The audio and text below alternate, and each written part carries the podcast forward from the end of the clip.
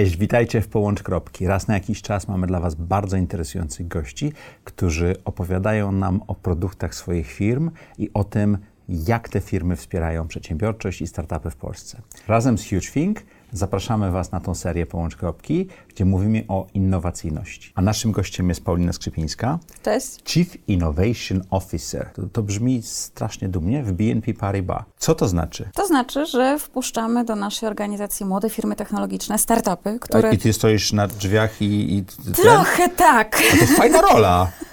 Wiesz co, ja przeważnie te drzwi zamykam. Ale przed nosem czy za? E, przed nosem. No i na tym kończymy nagranie. Dziękuję ślicznie. Ale na czym, po, na czym polega ta rola? Bo ty zrobiłaś dość niesamowitą karierę. Tak jak przygotowałem się do tej rozmowy, od dziennikarki poprzez startupy, pokazywałaś tutaj unicorna, do bycia Chief Innovation Officerem Tak. w dużej instytucji finansowej. To prawda. Jak cię dochodzi do takiego miejsca w swojej karierze? Dobre pytanie. Mm, Na pewno pomaga pasja. Ja zaczynałam bardzo dawno temu, kiedy pojawiły się pierwsze akademickie inkubatory przedsiębiorczości. Wtedy jeszcze nie było startupów, wtedy byli przedsiębiorcy, nie, prawda? tak, i przedsiębiorczość akademicka, więc naprawdę bardzo dawno temu. I razem z akademickimi inkubatorami przedsiębiorczości, robiąc o nich program, tak Mhm. naprawdę uczyłam się tego, co oznacza zakładanie własnej działalności gospodarczej, jak oceniać biznesplan, w ogóle jak go pisać. To była niesamowita historia, e, która pozwalała mi też zdobyć kontakty, e, poznać nowych, niesamowitych ludzi, a w momencie też, kiedy pojawiły się fundusze europejskie, pozyskać choćby środki na rozkręcenie audycji, właśnie pierwszej audycji na temat startupów. Oj, nie wiem już ile lat to było temu. A później zdarzył się kryzys.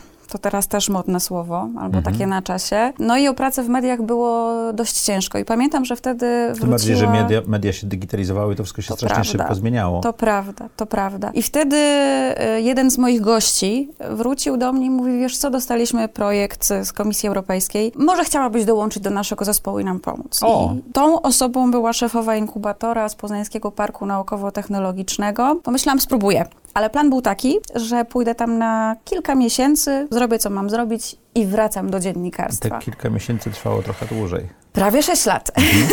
Prawie sześć lat niesamowitej przygody, No gdzie tak się z nauczyłam fajnymi ludźmi się... pracuje, to chyba łatwiej. To, to To się prawda. samo dzieje, prawda? To prawda, to jest niesamowity zespół, z którym mam po dzień dzisiejszy kontakt, zresztą właśnie z Anią, o której mówię, która nauczyła mnie niesamowicie dużo, przede wszystkim też jak radzić sobie z dokumentami, z potężnym budżetem. Miałam też okazję pracować z wybitnymi naukowcami przy komercjalizacji ich e, rozwiązań naukowych, przy pierwszych trzy jedynkach, czyli przy pierwszych inwestycjach tak naprawdę, szukać klientów e, dla tych e, rozwiązań, a po drodze pojawili się przyjaciele i niesamowite community startupowe poznańskie, bo to było moje miasto, dalej jest moje miasto. E, I tam między innymi z takimi osobami jak właśnie Monika Senoracka, Wiktor Schmidt, robiliśmy choćby Hive 61, czyli spotkanie właśnie tego przedsiębiorczego, startupowego community, które raz w miesiącu gromadziło ponad setkę osób. Tych spotkań zrobiliśmy ponad 40, więc bardzo dużo, ale właśnie ta wiedza zebrana wtedy, te kontakty bardzo mocno się przydały i one tak naprawdę przydają się do dziś. Później historia właśnie ze Speed Up Venture Capital Group, no bo bardzo chciałam też tej czysto funduszowej e, ścieżki spróbować, a potem zostałam mamą. I to był taki moment, To gdzie trochę ja... zmienia tempo życia, prawda? Tak, to był taki moment, w którym ja zaczęłam mocno myśleć, co ja chcę jeszcze robić, albo co jeszcze mnie kręci, albo co już nie bardzo. I zaczęłam pisać po osobach, które robią fajne rzeczy, które podziwiam, że brakuje mi tego kawałka korporacyjnego, że chciałabym jeszcze zobaczyć, jak to, jak to wygląda. No i właśnie jeden z kolegów zaprzyjaźnionego funduszu inwestycyjnego, też zresztą międzynarodowego, mówi, słuchaj, jest duża firma, która szuka takiej osoby, tylko nie powiedział mi do końca, że to jest bank. Więc szykując się na rozmowę, w zasadzie wybiegłam z marszu z kolejnego startup weekendu. Czerwone trampki, kolorowa marynarka, t-shirt sportowy. Odstawałaś? Oj, zdecydowanie. To nie był outfit na rozmowę ja w korporacji. latach, początku lat 2000 byłem rewolucjonistą, chodząc do banku z ramienia Della, sprzedając bez krawata. To była, to, to była wiesz, pe- pełen gajer, ale bez krawata. To była rewolucja, więc rozumiem, że tak było. Jak ta rozmowa poszła? No Myślę, dobrze. że dobrze, skoro zadzwonili. Ale to był też taki moment, gdzie pomyślałam sobie, sobie, gdzie stawiam na pełną szczerość, że Mhm. albo e, biorą mnie taką, jaka jestem, z tym, co potrafię i z tym, czego nie to potrafię. najlepsze w rozmowach kwalifikacyjnych. Tak myślę, tak myślę i to się, to się udało, ale mówmy się, miałam też szczęście, że trafiłam na osoby z niesamowicie otwartymi głowami, które pozwoliły nam, bo przecież zespół innowacji to, to kilka, kilkanaście osób, być nami i wykorzystywać to doświadczenie z różnych e, stron. I to naprawdę działa. Właśnie ten miks osób e, spoza świata korporacyjnego, spoza świata tradycyjnej bankowości, dlatego robimy to, co robimy. Inaczej by się nie udało. Czyli masz taką bardzo ciekawą tą drogę swoją do miejsca, w którym teraz jesteś. Myślę, że tak. To na czym polega innowacyjność banku? Bo wiesz, znamy fintechy, tu się pojawiają, tu płatności, tam ba- Mhm. bankowość i tak dalej. A na czym polega bycie innowacyjnym w takim tradycyjnym, dużym, międzynarodowym banku z korzeniami z Francji? O co chodzi z tym wpuszczaniem i niewpuszczaniem młodych firm do siebie? Ach, od czego zacząć? Ja jak przychodziłam do organizacji, to myślę, że niewiele osób... e, W ogóle rozumiało chyba, tak? Myślę, że tak. Czy Bo może innowacyjność niewiele... to takie słowo wytrych, które łatwo powiedzieć na prezentacji, To jest takie słowo, wygląda. które nic nie znaczy. Dokładnie. Tak samo jak fintech. E, ale byliśmy w trakcie cyfrowej transformacji. To, To też brzmi dumnie. to też brzmi dumnie. E, więc szukaliśmy rozwiązań, które pomogą nam, pomagały nam wtedy zmienić bardzo mocno organizację, zresztą po kilku fuzjach. To Mhm. było dopiero wyzwanie. No i dostarczyć takie produkty i takie usługi naszym klientom, które przede wszystkim będą spełniały ich oczekiwania. I zaczęliśmy się zastanawiać, czy takimi dostawcami rozwiązań nie mogłyby być te młodsze firmy, startupy, scale-upy. E, Czyli za, zamiast wynajdować koło, to po prostu Dokładnie. zaprosić je do siebie, tak? Dokładnie. Udało nam się do tego przekonać Mhm. e, naszych ówczesnych przełożonych. Razem z kolegami, z koleżankami zespołu zbudowaliśmy właśnie proces, który umożliwił przede wszystkim skupić się na testowaniu, na dotykaniu, a nie na całej papierologii. Wiesz, jak to wygląda w korporacji. Szykuje się gigantyczną dokumentację, gdzie piszemy o wyobrażeniu rozwiązania, często nie mając w Mhm. Detalach startup testuje i pojęcia... zastanawia się, czy zadziała. Więc stworzyliśmy właśnie taką furtkę i to podkreślam, bo to by się nie wydarzyło, gdyby nie współpraca z takimi bardzo, myślę, często przy innowacjach niedocenianymi zespołami, jak zespół zakupów, jak zespół tak zwanego compliance, jak prawnicy, tak, jak IT, oczywiście IT No, To strasznie security. ważne, bo to wpuszczasz e, firmę Tak. do środka do banku, prawda? Tak, i oni zawsze się pojawiają, Mhm. więc dobrze e, być z nimi na początku i stworzyć wspólne zasady gry. I my właśnie coś takiego stworzyliśmy. Uproszczony proces, gdzie maksymalnie ograniczyliśmy dokumentację, powiedzieliśmy sobie, wypuszczajmy proste case na rynek, dawajmy sobie przestrzeń, że my też musimy Testujemy. się czegoś nauczyć, tak, że testujemy, bo nie zawsze wiemy dokładnie, co Jak chcemy. klienci na to reagują w banku? Różnie? Myślę, że dobrze. No, jeden z moich startupów, który jest tam w mojej Mhm. stajni, czyli Booksy, y, BNP było pierwszym bankiem, które zaczęło używać w czasie pandemii Booksy do umawiania się na spotkania w banku, Tak. prawda? Bo to jednak był, to był taki szok systemowy. Szaleństwo, Nikt prawda? nie wiedział, jak się zachować, tak? I, i y, zatrudnienie aplikacji, która była dla salonów kosmetycznych Mhm. do banku, było takie wow. Ja na to spojrzałem, mówię, niesamowite. Ale wiesz co, właśnie na tym to polega, że pracując w banku nie szukasz rozwiązań stricte fintechowych. Patrzysz w zasadzie przez cały rynek, tak? Mhm. Na to, co jest- będzie potrzebne, tak? Dokładnie tak, bo często rozwiązania, kiedy właśnie zdejmiemy z nich tą naklejkę fintech albo beauty, okazują się przydatne w różnych innych sektorach. Także No, umawianie spotkań jest uniwersalne, prawda? absolutnie. Ale tak samo e, elektroniczne podpisywanie dokumentów. Wyobraź sobie, jak pierwszy raz przyszliśmy z tym pomysłem, to było chyba 2017 rok albo przełom 16-17, jaka była reakcja, a jakie była, jaka była reakcja, czy jaka była potrzeba w momencie, kiedy pojawił się COVID, kiedy No, byliśmy świeżo po inwestycji.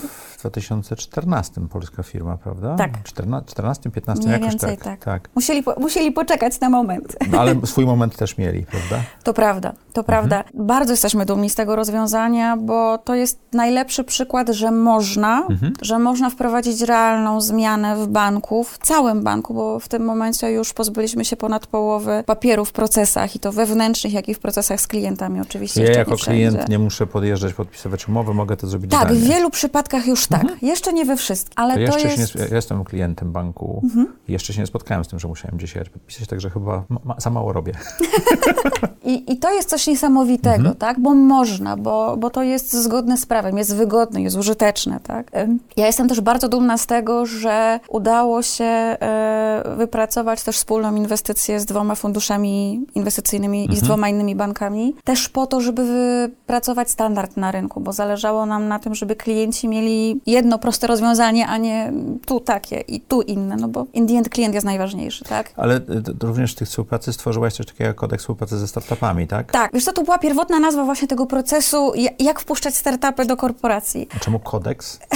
Bo to tak Wiesz prawniczo co? bardzo brzmi. Wtedy wydawało mi się to jako dobry pomysł. Okej. Przyznaję wtedy, ale bardziej utarła się, czy bardziej e, wszyscy przywykli do nazwy kawałka z tego procesu Office Hours. I po prostu mówimy o tym Office Hours. I to jest właśnie ten uproszczony proces, tak. No proces musi być w dużej firmie, prawda? No musi być, którym na etapach przede wszystkim jesteśmy w stanie powiedzieć naszym kolegom ze środka organizacji, gdzie jest nasza odpowiedzialność, jaka jest nasza rola, jaka jest rola ich, ale też czego oczekujemy od firm i co im gwarantujemy. I niebawem kolejne zapotrzebowanie i to już będzie, uwaga, 21 zapotrzebowanie. Dużo już tego za nami. Jak startup, który chce współpracować z bankiem, powinien podejść do takiej pierwszego kontaktu i rozmowy? Oczywiście zapraszamy do bezpośredniego kontaktu, czy to ze mną, czy z członkiem zespołu innowacji. Staramy się być widoczni, staramy się być osiągalni. Czasami ilość wiadomości mocno przekracza nasze możliwości w odpisywaniu, ale zachęcam raczej właśnie do pytania na słuchajcie, jaka jest wasza aktualna potrzeba. Zresztą my o tych potrzebach regularnie piszemy, mówimy oficjalnie, bo my działamy w metodologii pull technology, nie push, czyli